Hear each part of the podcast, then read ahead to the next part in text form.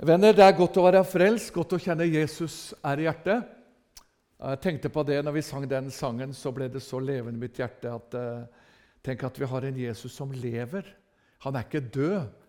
Eh, og det er det som er forskjellen på når mange spør i dag ja, hva tror du på, hva er din religion?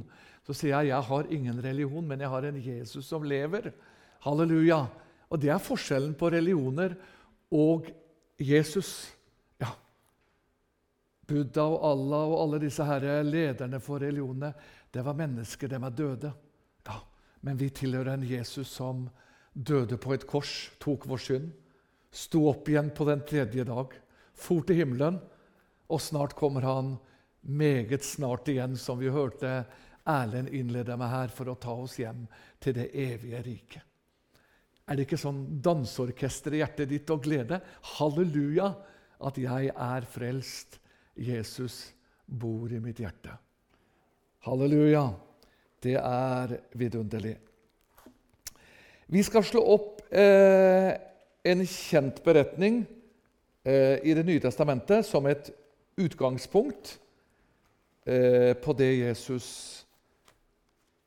har lagt på mitt hjerte til i formiddag som en eh, avslutningsbudskap. Vi har jo helt siden jeg starta her i fjor høst, så har vi vært innom eh, mange forskjellige emner eh, eh som jeg har blitt minnet om å, dele med dere. Både profetiske emner og Jesus i Det gamle testamentet og, og masse forskjellig undervisning. Og det er viktig.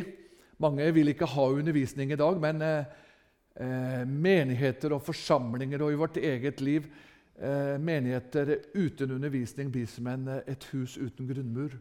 Ja, undervisningen ligger i bånn, men innimellom så har Jesus også minnet meg om evangelistbudskap og, og vekkelsesbudskap. Og det elsker jeg også, eh, en sånn Jesus har gitt meg også en sånn sterk evangelist i mitt hjerte. Jeg ønsker å være på gater og streder og dele budskap til de ufrelste. Og Det er et sånt eh, evangelistvekkende budskap som Jesus har minnet meg om eh, her eh, i formiddag som et avslutningsbudskap. Et evangelistbudskap fra Johannes 4. Eh, veien til vekkelse og fornyelse kan stå som en overskrift på det evangelistbudskap som Jesus har eh, minner meg om til en avslutning her på Arken Askøy eh, i denne omgang. Men vi leser, Det er egentlig en setning vi skal ta med, men for sammenhengens skyld så leser vi fra vers 27. 27. Johannes evangelium, kapittel 4, fra vers 27 til 38, for sammenhengens skyld. I Jesu navn. Og i det samme kom hans disipler og de undret seg over at han talte med en kvinne. Dog sa ingen, 'Hva vil du henne?' Eller 'Hvorfor taler du med henne?' Kvinnen lot da sin vannkrukke stå og gikk bort til byen og sa til folket der, 'Kom og se en mann' som har sagt meg alt jeg har gjort. Han skulle vel ikke være Messias. De gikk ut av byen og var på veien til ham. Imens ba disiplene ham og sa, 'Rabbi, et.' Men han sa til dem, 'Jeg har mat å ete som dere ikke vet om.' Disiplene sa da til hverandre, skulle noen ha båret mat til ham? Jesus sier til dem, min mat er å gjøre Hans vilje, som har sendt meg, og fullføre Hans gjerning. Sier dere ikke at det er ennå fire måneder, så kommer høsten? Se, jeg sier dere, løft deres øyne og se, markene, de er alt hvite til høsten. Amen. Jesus, vi priser deg. Takk at du åpenbarer ditt eget ord til ånd, sjel og legem, og du gir nåde og åpenbarer deg også enda en gang i Jesu navn. Amen. Eh, det var denne setningen som eh, har stansa meg når det gjelder veien til vekkelse og fornyelse. Så kom denne setningen til meg. Løft deres øyne og se markene, de er alt hvite til høsten. Eh, det er mye i denne beretningen som vi kunne ha stansa ved. Mange forskjellige vinklinger og dype sider. Men eh, vi skal stanse ved den setningen Markene er hvite til høsten. Og når Jesus underviser oss, som vi vet, så snakker han åndelige språk.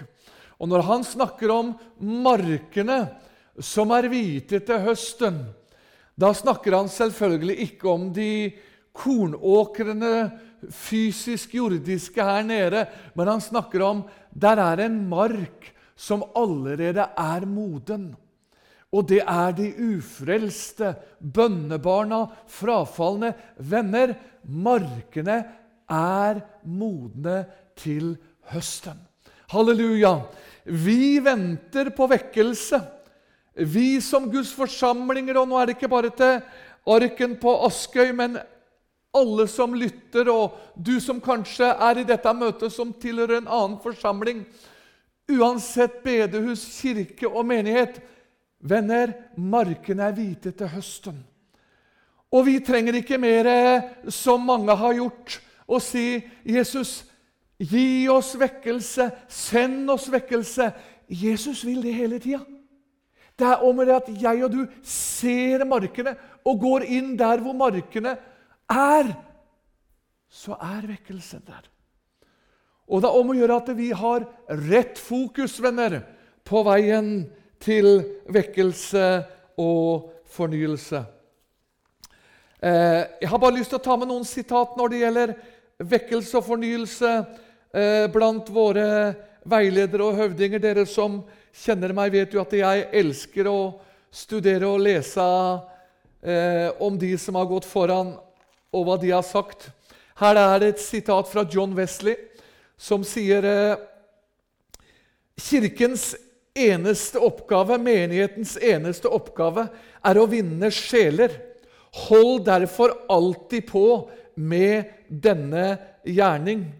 Det er ikke din sak først og fremst å tale en bestemt antall ganger, men hør hva han sier å vinne så mange sjeler du kan, og føre så mange syndere som mulig til omvendelse og frelse. Og så fortsatte han med å si John Wesley, eh, som var iblant metodistene og opplevde masse skarer som ble frelst gjennom sin tjeneste. Så sier han vi behøver nå en god, gammeldags kristen dybde, utbredt i Den hellige ånds kraft, og forvandle vår dårskap, hjelpe oss til omvendelse og arbeid og bønn, og kaste oss ut i en åndelig strid. For våre menigheter og kirkers eneste håp, det er vekkelse. Venner, vårt eneste håp, det er vekkelse og fornyelse. Hvis ikke så dør vi ut. Ja, vi trenger nye barn inn i Guds menighet. Vi trenger nye spedbarn. Vi trenger noen som Det blir mye bleieskiftearbeiding, og, og det blir mye rop og skrik som vi kanskje ikke liker, og det blir mye nattevåk. Men det får komme hva det vil. De får rope når de vil. Halleluja! Nå, venner, nå trenger vi å se markene. De er modne til høsten. De er hvite. Halleluja. La meg bare ta med noen, noen et par korte sitat til eh, fra våre veiledere før eh, vi går videre inn i teksten og i Skriften. Billy Graham sier i sin bok Han var jo den som kanskje gjennom kristenheten har vunnet flest sjeler for, for, Kristus gjennom sin tjeneste. Så skriver han i sin bok 'Kristus kaller'.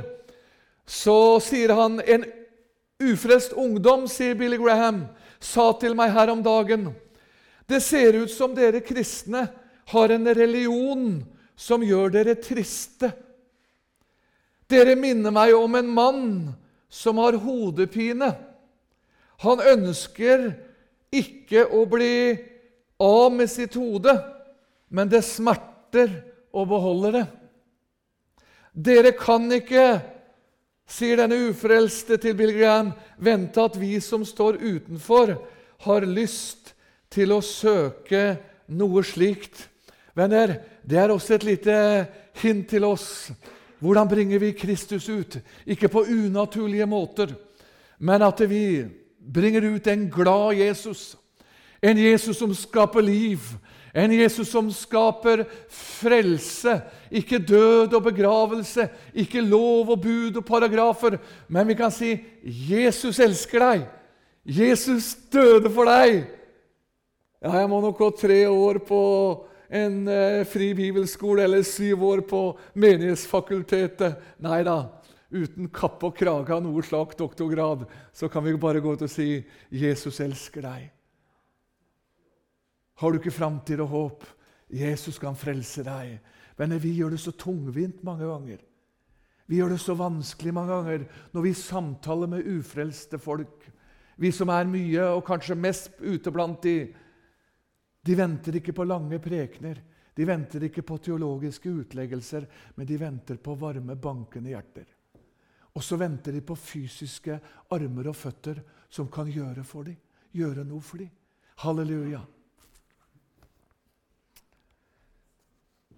Eh, så sier også eh, Frank Mangs, ta med det også i begynnelsen her Veien, det var Han var over 90 år og fikk et syn. Frank Mangs, hvor han tar med mange ting i dette lille heftet og siste synet han hadde. Men så sier han om former og fraser i Guds menighet. Da snakker han på generell basis. En påstand vil jeg bestemt gjøre, sier han. Og jeg gjør det med mer enn 70 års bakgrunn som forkynner av Jesu evangelium. Atmosfæren i menigheten og samlingene, i gruppesamlingene og hjemmet vårt har meget stor betydning. Den åndelige vekkelsens fremste forutsetning er en levende og nyskapende atmosfære. Og så sier han varm atmosfære, skapende kraft, gjennom hellig hengivelse, gjennom åpenhet for den kommende verdens krefter, gjennom utstråling, hellig utstråling fra mennesker grepet av Jesus, tent av Jesus og fylt av Den hellige ånd. Det er ikke nok med mannen på talerstolen, avslutter han med, er grepet av Jesus. Han må få tale og virke i en atmosfære som gjennom bønnens ånd og bedende mennesker er ladet med liv og kraft. Der den atmosfæren finnes, der er også kraft til å føde. Der finnes det søkende mennesker som roper etter den Gud som er sannhet og kjærlighet, og er selve livet. Halleluja, venner! Det vi trenger i vår tid, det er atmosfære. Både gjennom oss selv og i menighetene. For det er det som føder mennesker. Det er det som frelser mennesker. Det er ikke hva jeg får til. Av og til når jeg eh, er ute eh, som jeg er mye blant ufrelste folk, så, så, kan du ha dårlige, vanskelige dager, og du liksom føler deg ikke frelst, og du føler deg ikke glad. Og, men vi må tro på at den kilde som er i oss, hvis vi bor i den, så stråler den frem. Uansett. Så plutselig du kan komme i butikken eller andre plasser, som jeg har gjort, og så plutselig kan noen si 'Jeg ser du er spesielt glad. Hvorfor er du glad?' At vi da liksom kan få lov å være åpen for ånden, så vi kan liksom bare svare dem. Som en da spurte meg 'Jeg ser du er så veldig glad. Hva er du glad for?' Ja, vi er forskjellig født, sier men først og fremst gleden i mitt hjerte. Det er fordi at Jesus har frelst meg, og jeg er på vei til himmelen. Og du vet, Da kvekner de til, og så er samtalen i gang. Og så lader du AG3-en din eller spretterten din, eller om du har kanon, og så fyrer du løs. Er ikke herlig? Ja, vi må liksom ikke sette oss ned og skrive lange ark. og ja, 'Nå må jeg si det, og møter jeg henne, så må jeg si det.' 'Hva skal jeg si når jeg møter han?' Nei. Vi bare sier, 'Jesus, takk at du leder meg i dag.' Når jeg skal på skolen i dag, eller jeg skal på jobben i dag, eller jeg skal besøke de gamle, eller hva som helst. 'Jesus, la meg få lov naturlig få lov å peke på deg.' Og så kommer det bare fram. Halleluja! Er det ikke herlig? Du vet, en elv som er full, du vet, den kan du ikke stoppe. Prøv å stoppe den med steiner. Den bare forsvinner forbi, den, så renner den uansett. Og til mer fylde og nærhet og kraft vi har i vårt liv fra himmelen, så kommer det, og så bare spres det naturlig ut der vi går, på en naturlig måte. Halleluja! Og så peker vi på Jesus. Ja, men jeg er ikke født frimodig, sier du. Jeg er født beskjeden, jeg. Jeg leser ingen plass når Jesus kalte til tjeneste, at ja, du er beskjeden, så du kan ikke være med, og du er frimodig, så du får være med. Nei, det er hans ansvar å fylle oss, bare vi lever i hans nærhet. Men markene er modne for høsten, la oss gå ut, ta med oss kraften fra øvre salen ut. Jeg bruker å si det eh, når jeg underviser om pinsens ild, også kraften som skjedde på øvre salen, som du leser om i apostelgjerningene 2. Og så kunne vi ha eh, utdypa de type tinga jeg kommer inn på nå, men vi har ikke tid til det. Det var viktig at de var på salen, tok imot Ånden, var i bønn og innvielse. Men venner, de kunne ha stått på øvre sal til det knaka i veggen, og, og, og, og til morgenen grydde. Men det hadde ikke blitt vekkelse bare av det. De måtte ta med seg kraften ned fra den øvre sal ned på gater og streder i hverdagen, ut gjennom hender og føtter. Halleluja! Var det ikke det som skjedde? Jo da, det var viktig med kraften. Og du vet, vi salige pinsevenner og frie venner, og enda friere venner, som Severin Larsen sa, vi er så opptatt med å svaie og rope og skrike og, og være i ånden. Og det er viktig med alt det der, det vet du jeg har vært inne på. Men det hjelper ikke. Det er ikke det som er det viktigste. Det viktigste er at Kraften går ned i føtter og armer, og så går vi ut. Og så viser vi Jesus naturlig i hverdagen. Med praktiske gjøremål. Halleluja! Og så virker Jesus da igjennom oss. Halleluja. Eh, og det er mange innkast når det gjelder at markene er hvite til høsten. Eh, la meg bare sitere fra Esaias 37, du som har Bibelen din med deg. Eh, Esaias 37, Det var noen beretninger som kom til meg, så jeg bretta Bibelen masse her. men Jeg vet ikke om vi kommer gjennom alt det, men Esaias 37, 3, og så leser jeg fra Esaias 66,9.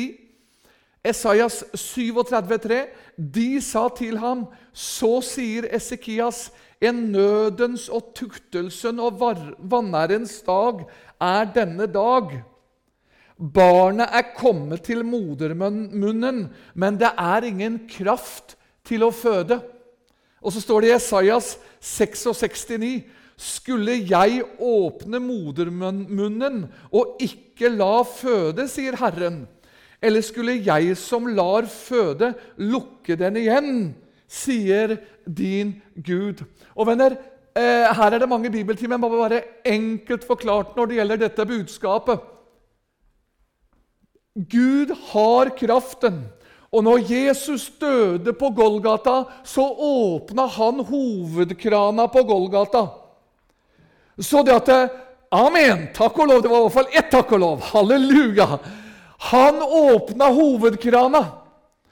Og så kan jeg du si ja, det er, hvorfor er det ikke vekkelse? Og det er, den, det er Gud, hvorfor kjenner du oss ikke vekkelse? Hvorfor er det sånn? Det er fordi at vi ikke har åpna kranene våre. Kraften fra himmelen er der. Halleluja. Men har vi kraft i vårt liv? Har vi kraft i menigheten og bedehusene og kirkene? Og så må vi bruke den kraften vi har. Du har fått den. Den er i deg. Men du bare sier, 'Jesus, nå åpner jeg krana mi.' Ja, og så kommer det ett drypp, og så kommer det to drypp, og så kommer det tre drypp, og så plutselig så kommer det en hel bekk. Og så står du og så vitner du både her og der. Du må nesten si som de gjorde på, på, på en plass når det ble så mange frelste i Jesus. Nå må du vente litt, så vi får ta hånd om de nyfrelste her. Det ble så mye vann, det ble så mye liv fra himmelen. Venner, det er ikke Gud som eh, har årsaken til at det ikke er vekkelse og frelse og fornyelse, men det er vi. Ja, vi må ta med oss, vi må se at markene er modne til høsten. Halleluja. Før jeg går inn på eh, peker på noen ting som vi kan gjøre Guds menighet ut fra Guds ord, som skaper fornyelse og vekkelse, så tenkte jeg på det For jeg møter så mange unge, jeg møter så mange godt voksne også som sier at jeg ønsker å og brukes av Jesus, og jeg ønsker å være i hans tjeneste, men jeg har ingenting. Jeg føler ikke at jeg kan synge, og jeg føler ikke at jeg kan preke, og jeg føler ikke at jeg kan gjøre det og det. Er du klar over at noen av de mest såkalte, som vi kaller store Guds menn og kvinner, de følte de hadde ingenting? Når Moses skulle føre folket, så sa Moses jeg er tung i mæle, og jeg er tung i tale. Unnskyld, Gud, du kan jo ikke bruke meg. For du skjønner at uh, jeg kan ikke snakke som du vil. Og så sier Gud plutselig til ham, du kjenner beretningen, du kan lese den når du kommer hjem. Det er vel i 2. Mosebok eh, 4 det står. Så sier han, hør nå, hva har du i hånden din, Moses? Og så gjorde han forskjellige under ved Moses' hånd. Og det er det Jesus spør deg om. Hva har du i matpakka di? Hva har du i sekken din? Ja, ja, det er den ved siden av deg. Du, det er mange som har store sekker, vet du, men så har de ikke så mye oppi sekken. Det ser så veldig svært ut. Men det ramler jo mer kjøtt enn det gjør ånd. ikke sant? Så om sekken er liten, så gjør ikke det noe, bare du har mye kraft inni der. Halleluja! Så var det den lille pikende bildet på det. Du som sitter her og føler at det, 'jeg kan ikke brukes, og jeg har ingenting'. Og så var det ei lita jente hos Naman. Vi bør ikke slå opp. Tiden er for kort til det, men du kjenner beretningen. Hun ble tatt til fange. Naman som var spedalsk, som er et bilde på synden og, og forskjellige ting. Han ville bli frisk. Og hør, det var ei lita jente. Vet du hva hun sa? Jeg kjenner en profet. Halleluja! Det var ikke noen teologisk utleggelse. Jeg kjenner en mann! Jeg kjenner en profet som kan røre ved deg. Det var et par setninger. Gå ut, og så bare sier du 'Jesus elsker deg', han kan føre deg til himmelen. Og plutselig så smeller det. Så blir det både én og to Naman som blir frelst. Og så hørte Naman på denne lille jenta, og så ble han helbredet. Og så ble han reddet. Er du med? Halleluja! Og kanskje du er som denne lille gutten også hos Jesus. Disiplene var der òg, og du kjenner beretningen så godt. Og så sier vel Andreas, er det vel kanskje, hvis jeg ikke husker feil, som sier her er det en liten gutt. Så sier han litt som oss. Nå bruker jeg litt mine egne ord i samme mening. Ja, vi har en liten gutt her, eh, men eh, han har bare noen små fisker og noen brød. Du skjønner, Vi har noen søstre og brødre her, men de er ikke noe særlig til å vitne. og vi kan ikke bruke dem, skjønner du. Vi må ha tak i noen svære redskaper derfor. Nei, De vitner så rart, og de synger så rart. Det, det, det går, nei, nei, nei, nei, nei, nei, Finn på noe annet. Nei da! Halleluja! Er du med? Jeg håper du er med! Når det kommer i Jesu hånd, hva var det som skjedde? Det metta mange tusen. Føler du deg som en liten gutt og en liten jente? Jeg holdt på å si Det har jeg gjort i 35 år siden jeg ble frelst. Mens jeg har sagt til Jesus jeg bare legger matpakka mi framfor hos deg. Og som jeg har følt at jeg har hatt bare tørre brødskiver og Noen ganger har jeg følt at jeg har hatt bare en tørr skalk, ikke engang en liten skorpe. synes jeg at jeg har hatt. Mens jeg har sagt til Jesus Og jeg, noen ganger har jeg gått fram til talerstolen og jeg har sagt til Jesus nå går jeg ut, for nå er jeg så nervøs. Men så kommer du nest, så vidt krypende opp på talerstolen, og så går du, og så har du tillit til Jesus, og så plutselig så bare kommer flommen. Halleluja! Er det ikke herlig? Ja, det er dette Jesus venter på. Marken er hvite til høsten. Veien til vekkelse og fornyelse. Jo da, Jesus bruker kjente predikanter og store kor, og mange har blitt velsignet ved det. Men venner, nå i den endens tid, som også David Wilkerson er inne på i noen av sine skrifter Nå i denne tid, sier han, så bruker Jesus først og fremst deg som er i menigheten, med det du har, med det Jesus har gitt deg, dine naturlige talenter. Og så legger du dem bare hos Jesus. Og så blir det som en sånn der deig som eser. vet Du du fyller seg sånn liten sånn erteris, og så bare eser det opp! Og når det kommer ut, halleluja, så er det til mange sjelers velsignelse og frelse. Er ikke nydelig? Jeg syns det er helt fantastisk. Halleluja!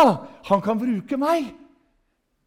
Takk og lov. Men vi tror på vekkelse og fornyelse over Bergen og Arken og Askøy Halleluja! Jesus Kristus er i går og i dag den samme. Djevelen vil innbille deg og meg. Nei, du skjønner, det var andre tider på Arken og i Philadelphia og i Betel og bedehuset. De skulle bare levd nå for 40 år siden. Da var det bra. Du skjønner, Nå er det så mye rart, og det er så mye forferdelig. Han er i går og i dag den samme, og det forblir han inntil evig tid. Og han har sagt at markene de er hvite. De ufrelste som vil inn her, og vil inn til de frelste menigheter. Det er hopetall av bønnebarn, av frafalne, av utslåtte. Men halleluja, vi må gjøre det slik at vi er istandsatt så vår menighet, forsamling og kirke er i stand til å ta imot. Halleluja.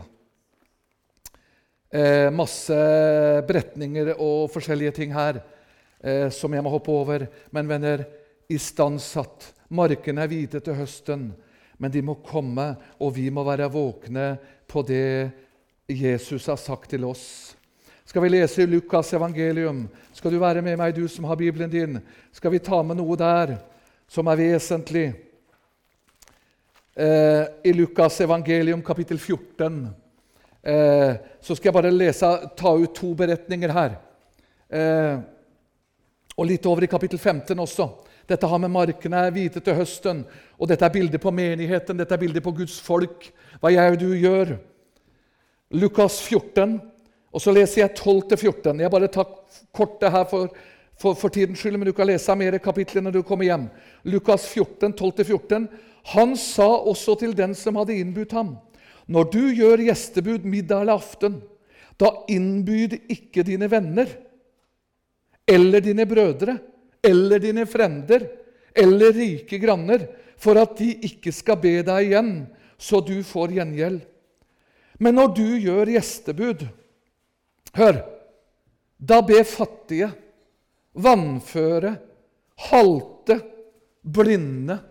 Så er du salig, for de har ikke noe å gi deg igjen, men du skal få det igjen i de rettferdiges oppstandelse. Bare to og et halvt sekund ved de versene før vi går videre. Det, Jesus, det er masse utleggelser av det verset, men helt enkelt fortalt i et vekkelsesbudskap.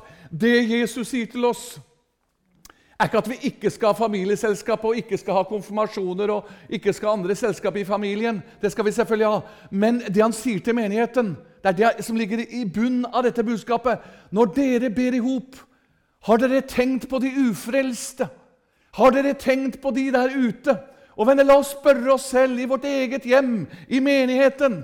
Hvor ofte innbyr vi eh, de ufrelste, de der ute, til et festmåltid i menigheten? Det er menigheter i dag som fører jul ellers i året, en gang i måneden. Så lager de mat til de som ikke har mat, serverer sosiale samvær og ber dem komme inn uten penger og uten betaling. Det er det Jesus mener. Kraften går inn i hender og føtter. Marken er hvite til høsten. Vi må bare være der ute. Vi må omgjøre også våre kirker og bedehus til åndelige hospits, til barmhjertighetens hus. Halleluja! Eh, vers 21-23. For tidens skyld går vi videre til det fort. Kapittel 14, 21-23. Tjeneren kom og fortalte sin herre dette. Da ble husbonden harm og sa til tjeneren, 'Gå i hast ut på byens gater, streder, og før Herren de fattige, de vannføre, de blinde, de halte.' Tjeneren sa, 'Herre, det er gjort som du bød.' Det er ennå rom. Da sa Herren til tjeneren, 'Gå ut på veiene ved gjerdene, nød dem til å komme inn, for at mitt hus kan bli fullt.' Halleluja! Hva betyr det ved gjerdene, utpå grøftene? Jo, åndelig talt så betyr det der er rusmisbrukere, der er utslåtte, der er mennesker, der er ungdommer med psykiske problemer nede i 12- og 14-årsalderen med selvmord. Det er disse menneskene som aldri kommer i Guds hus. Men da må vi gjøre praktiske ting for å nå dem i hverdagen med sosiale ting. Venner, hvis du er åndelig, så er du også sosial. legger du merke til Jesus når han vandrer? Vi har, så, vi har mange sånne åndelige misforståttheter i vår tid. Mange tror at Jesus han var liksom, det er bare å være i menigheten og det er bare å være her inne. Det er viktig med menigheten. Det vet dere som hører min undervisning. Det er viktig med menigheten, det er viktig med undervisning. Det er viktig at vi er der inne for fellesskapet, for å fylle oss. Men vi må ta det med oss ut. Og når Jesus gikk, så var han mest ute på gater og streder. Hadde Jesus kommet i dag, som jeg bruker å si, Istedenfor han kom den gangen der nede og vandret, så hadde han bare stikket av og til innom Arken og, og, og Philadelphia og Ebenezer og bedehusene. Han var mest der ute, på gater og streder. Vi må ta, Dere er verdens lys. Vi tar med oss lyset ut. Og så er det mennesker som søker Jesus. Halleluja. Hør, min venn, la oss stille oss noen spørsmål. Har du noen bønnebarn i din oppkrets? Har du noen frafalne? Har du noen onkler og tanter? Har du noen søskenbarn? Vi har mange, kanskje en og hver av oss. Hva gjør vi for dem? Prøver vi å omgjøre våre bedehus og våre kirker og menigheter til barmhjertighetens hus. Det er det Jesus sier. Du kjenner beretningen, men jeg skal bare lese ut litt ut av det. Lukas eh, kapittel 10. Der står det en samaritan som var på reise, vers 33 kom dit hvor han var. Da han så ham, ynkedes han inderlig. Han gikk bort til ham, forbandt hans sår, helte olje og vin i dem, løftet ham opp på sitt eget dyr, førte ham til et herberge og pleide ham. Hør, er vår menighet og kirker og bedehus et herberge? Ser du bildet jeg skal fram til nå? Jeg har ikke tid til å gå i dybden på noe av det her, men jeg bare kaster fram noen tanker så vi kan få lov å se hva Jesus vil vise oss mellom markene som er hvite. Denne utslåtte fra Jerusalem til Jeriko Venner, det er mange som åndelig talt har gått fra Jerusalem til Jeriko. De har vært i menigheten, de har vært i sangkoret, de har vært på søndagsskolen, de har vært forkynnere, de har vært i tjenesten. De skulle som Dina. Dina ville ikke bli smittet av synden, men hun tok seg bare en titt. De hadde kanskje fått vanskeligheter i livet sitt, ting ble vanskelig, og så begynte de å bevege seg bort fra Jerusalem, som åndelig talt er den indre sirkelen for kraft, enkelt fortalt, og innvielse. Og så begynte man å bevege seg til Jeriko. Venner, det ligger mange halvdøde. Men hør, de er ikke døde. De er halvdøde. Skal vi gå ut og hente dem nå? Der er mange bønnebarn. Der er mange frafalne. Så kom det for meg et bilde nå. Ser du det? Når denne barmhjertige samaritan møter denne halvdue. Hadde det hjelpa mye, tror du, hvis han hadde lukka øya og talt i tunger og, og bedt over henne og bare talt i tunger og 'Gud, må du fylle han med ånden' og Hadde ikke hjelpa noe. Han trengte olje. Han trengte forbindelse. Ser du bildet? Ja. Hvordan er det i menigheten og kirken og bedehusene våre? Er det fødselsstuene klare for de som skal bli født? Er sykestuene klare? Er pleiehjemmene klare for dem som er skada? Jeg håper du er med meg. Hvis du ikke er med og ikke ser, så er det på tide at du ser. Halleluja, det er dette Jesus vil. Et barmhjertighetens hus. Hvor vi av og til omgjør våre samlinger til sosiale samlinger for å nå de der ute. Halleluja, om vi er unge eller om vi er eldre. Halleluja koke noe kaffe og steke noen vafler. Og, og lenge er det siden du tok med deg et bord ute på, på sentrum i Askøy eller, eller, andre plasser der hvor du er i sentrum. Ga kaffe, ga vafler. Ja, Laga litt suppestasjon som til dem som trengte det. Delt ut litt matpakker. Forskjellige ting. Venner, her er vekkelsen. Her er fornyelsen. En del av vekkelsen og fornyelsen. Er du med? Marken er hvite til høsten. Halleluja! Og der skal jeg og du stå midt i vekkelsen og fornyelsen. Og så skal vi se at Jesus utbrer sitt rike. Eh, det er veldig viktig at vi har, vi ser riktig, og løfter deres øyne. Eh, og Jeg skal avrunde nå, for klokka gikk altfor fort også denne gangen. Så jeg skal begynne å avrunde nå. Eh, og det meste fikk jeg med heller ikke nå. Men hør. Lukas 15. Lukas 15. Hør. Her er mange åndelige bilder. Eh, vers 20. Han sto opp, kom til sin far, men da han ennå var langt borte, så hans far ham, og han ynkedes inderlig, løp til, falt ham om halsen og kysset ham. Men sønnen sa til ham, Far, jeg har syndet mot deg og for deg, og jeg er ikke verdig lenger til å kalles din sønn. Det var akkurat som faren ikke hørte hva han sa. Så sa han, 'Ta fram den beste kledning.' Gi ham en ring på hans hånd og sko på hans føtter. Hent gjøkalven og slakt den. La oss ete og være glad, for denne min sønn var død og blitt levende igjen, var tapt og er funnet. Halleluja. Her er det selvfølgelig profetiske ting også i det siste vi leser. Men det er også et bilde for oss til veien til vekkelse. Hør! Til arken, til du Guds menighet, forsamling eller kirke som uansett lytter. Har du et lengtende hjerte som denne faren? Har du et lengtende mors hjerte, åndelig, et fars hjerte? Han ga seg ikke. Han visste at han var på ville veier. Kanskje det kom tvilstanker. Kanskje han er død. Nei, han visste. 'Jesus, du svarer min bønn. Nå kommer du snart.' Er vi våkne når de kommer? Er vi klare når de kommer? Så de ikke snur i døra og går ut igjen. Er du med? Er vi der? Halleluja. Og så slakta han den beste kalven han hadde. Som gamle Oddvar Nilsen sa, er herlig med disse gamle veilederne. Du skjønner det, sa han. Han kunne ha gitt noen gamle spekepølser eller noen gamle brødskorper. Men det holdt ikke, det, skjønner du, sa han. De verste må få de beste. Han gikk og slakta den beste gjøkalven han hadde. Halleluja!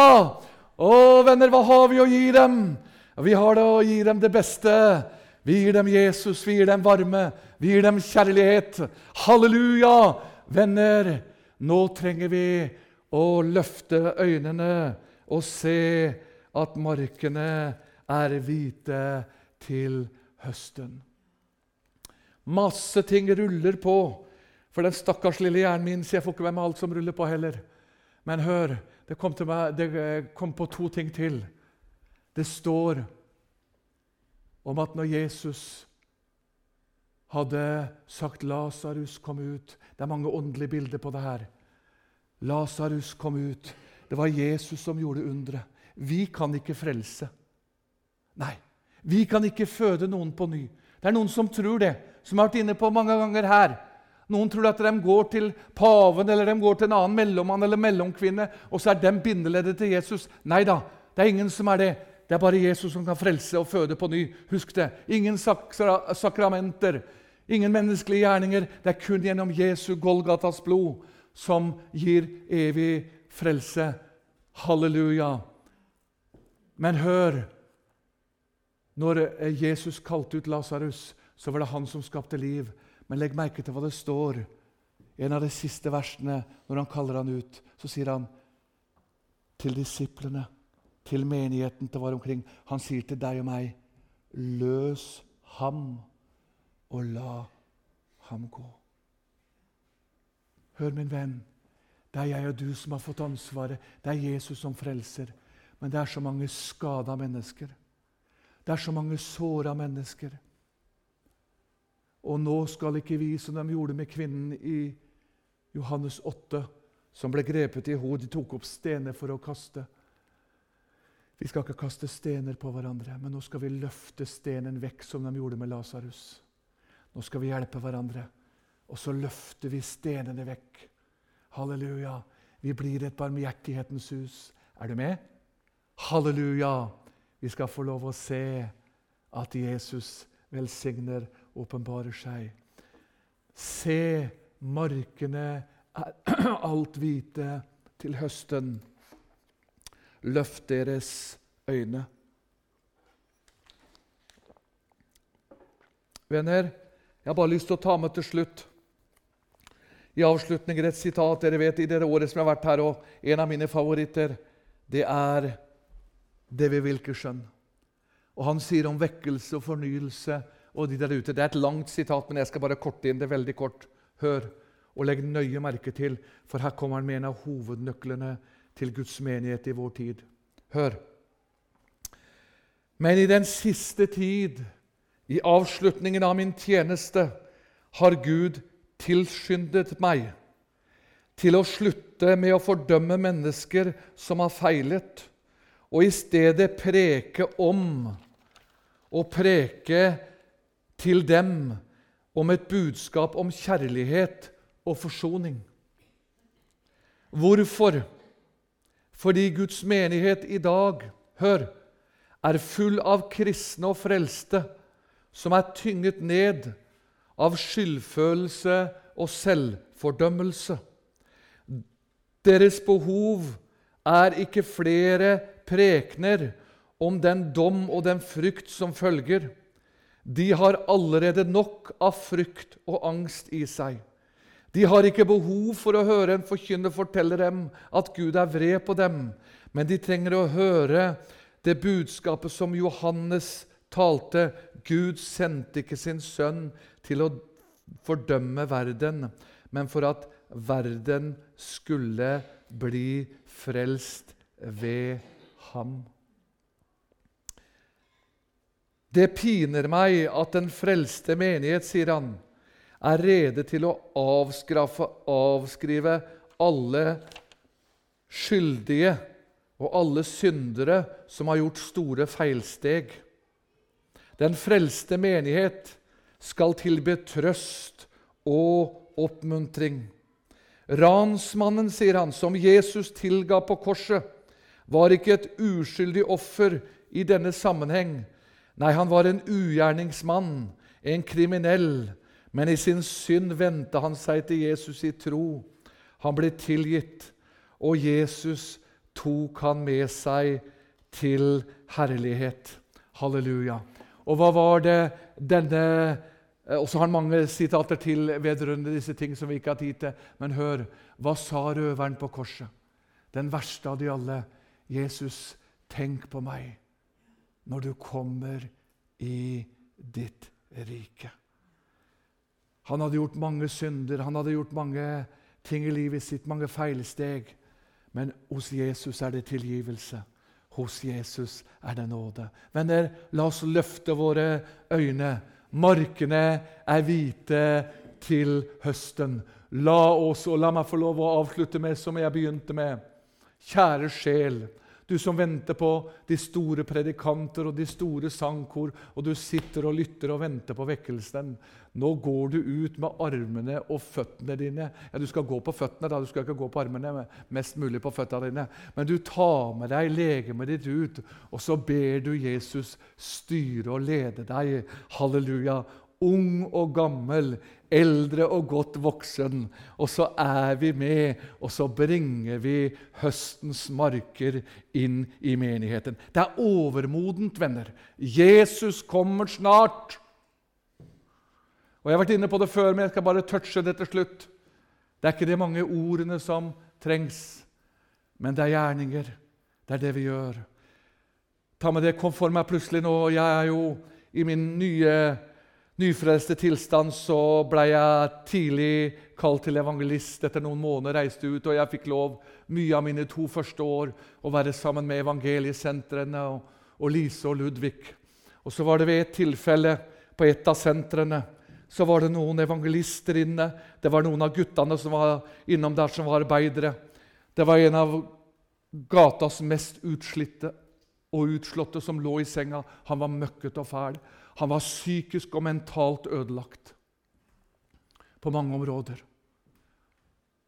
Og så ba de, Og de salva med olje, og de ba. Og mange ganger så virker det. Men det er noen ganger vi må gjøre som jeg har pekt på i denne formiddagsstunden. Vi må gjøre noen praktiske gjerninger som skaper liv. Så kommer Ludvig inn, og du må kjenne Ludvig. Jeg har kjent han. Han var en helt spesiell person. Han var jo født frelst ut ifra gata. Så kommer han inn, så sier han 'Hvordan går det med dere gutter?' sa han. 'Hvordan går det med gutten vår?' Han gikk i fin dress. Så ser han gutten ligger der møkket og fæl, og ikke noe hadde skjedd. Så tar han av seg skoene sine. Han visste hva som trengtes. Så la han seg opp i denne senga. Så tok han godt omkring gutten, klemte han godt innat seg. Han ba ikke. Vi som kjente Ludvig, vi vet han hadde makt i bønn og makt med ord. Han bare lå og gråt. Og så merka han at gutten mjaukna. Det denne gutten trengte, han trengte fysisk kjærlighet og varme. Og så fikk han lov, etter at gutten kjente at det var noen som var glad i ham. Etter ei stund og noen dager og uker på senteret så ble han frelst, så ble han løst, og så ble han en ny skapning. Men vi skal preke evangeliet, vi skal undervise. Men nå trenger menigheten først og fremst søstre og brødre som tar med seg den lille nistepakka de har. Om du har en liten ryggsekk, om du har en stor ryggsekk, om du har en liten sprettert, eller om du har en stor kanon, det får være hva det vil. Jeg tar med meg det jeg har. Vi samler det nå på denne Jesusbåten vi har. Og så sier du, 'Jesus, bruk meg'. Minn meg og før sjelene til meg der hvor jeg går. Og da kan du gjøre bare Skal ikke ta den beretningen nå, men da kan du gjøre som Wilkerson gjorde da han vant Nikki Krus. Han sa kun tre ord 'Jesus elsker deg'. Og det førte til frelse. Venner, markene er hvite til høsten. Veien til vekkelse og fornyelse det går gjennom deg og meg at vi bringer det enkle hjertet, varme hjertet vårt ut til verden. Og så kommer de inn, og så blir det frelse, vekkelse og fornyelse. Herre, vi priser deg, takker deg, Jesus, fordi at du har talt til menigheten i formiddag. Du har talt til meg, du har talt til oss. Du har talt til Guds menighet i endetiden. Nå trenger vi i varme hjerter. Nå trenger vi føtter og armer som bringer deg ut med det klare evangeliet. Jesus elsker deg. Halleluja, takk skal du ha, Jesus. Og vi vender tilbake, gir deg all ære. I Jesu navn. Amen.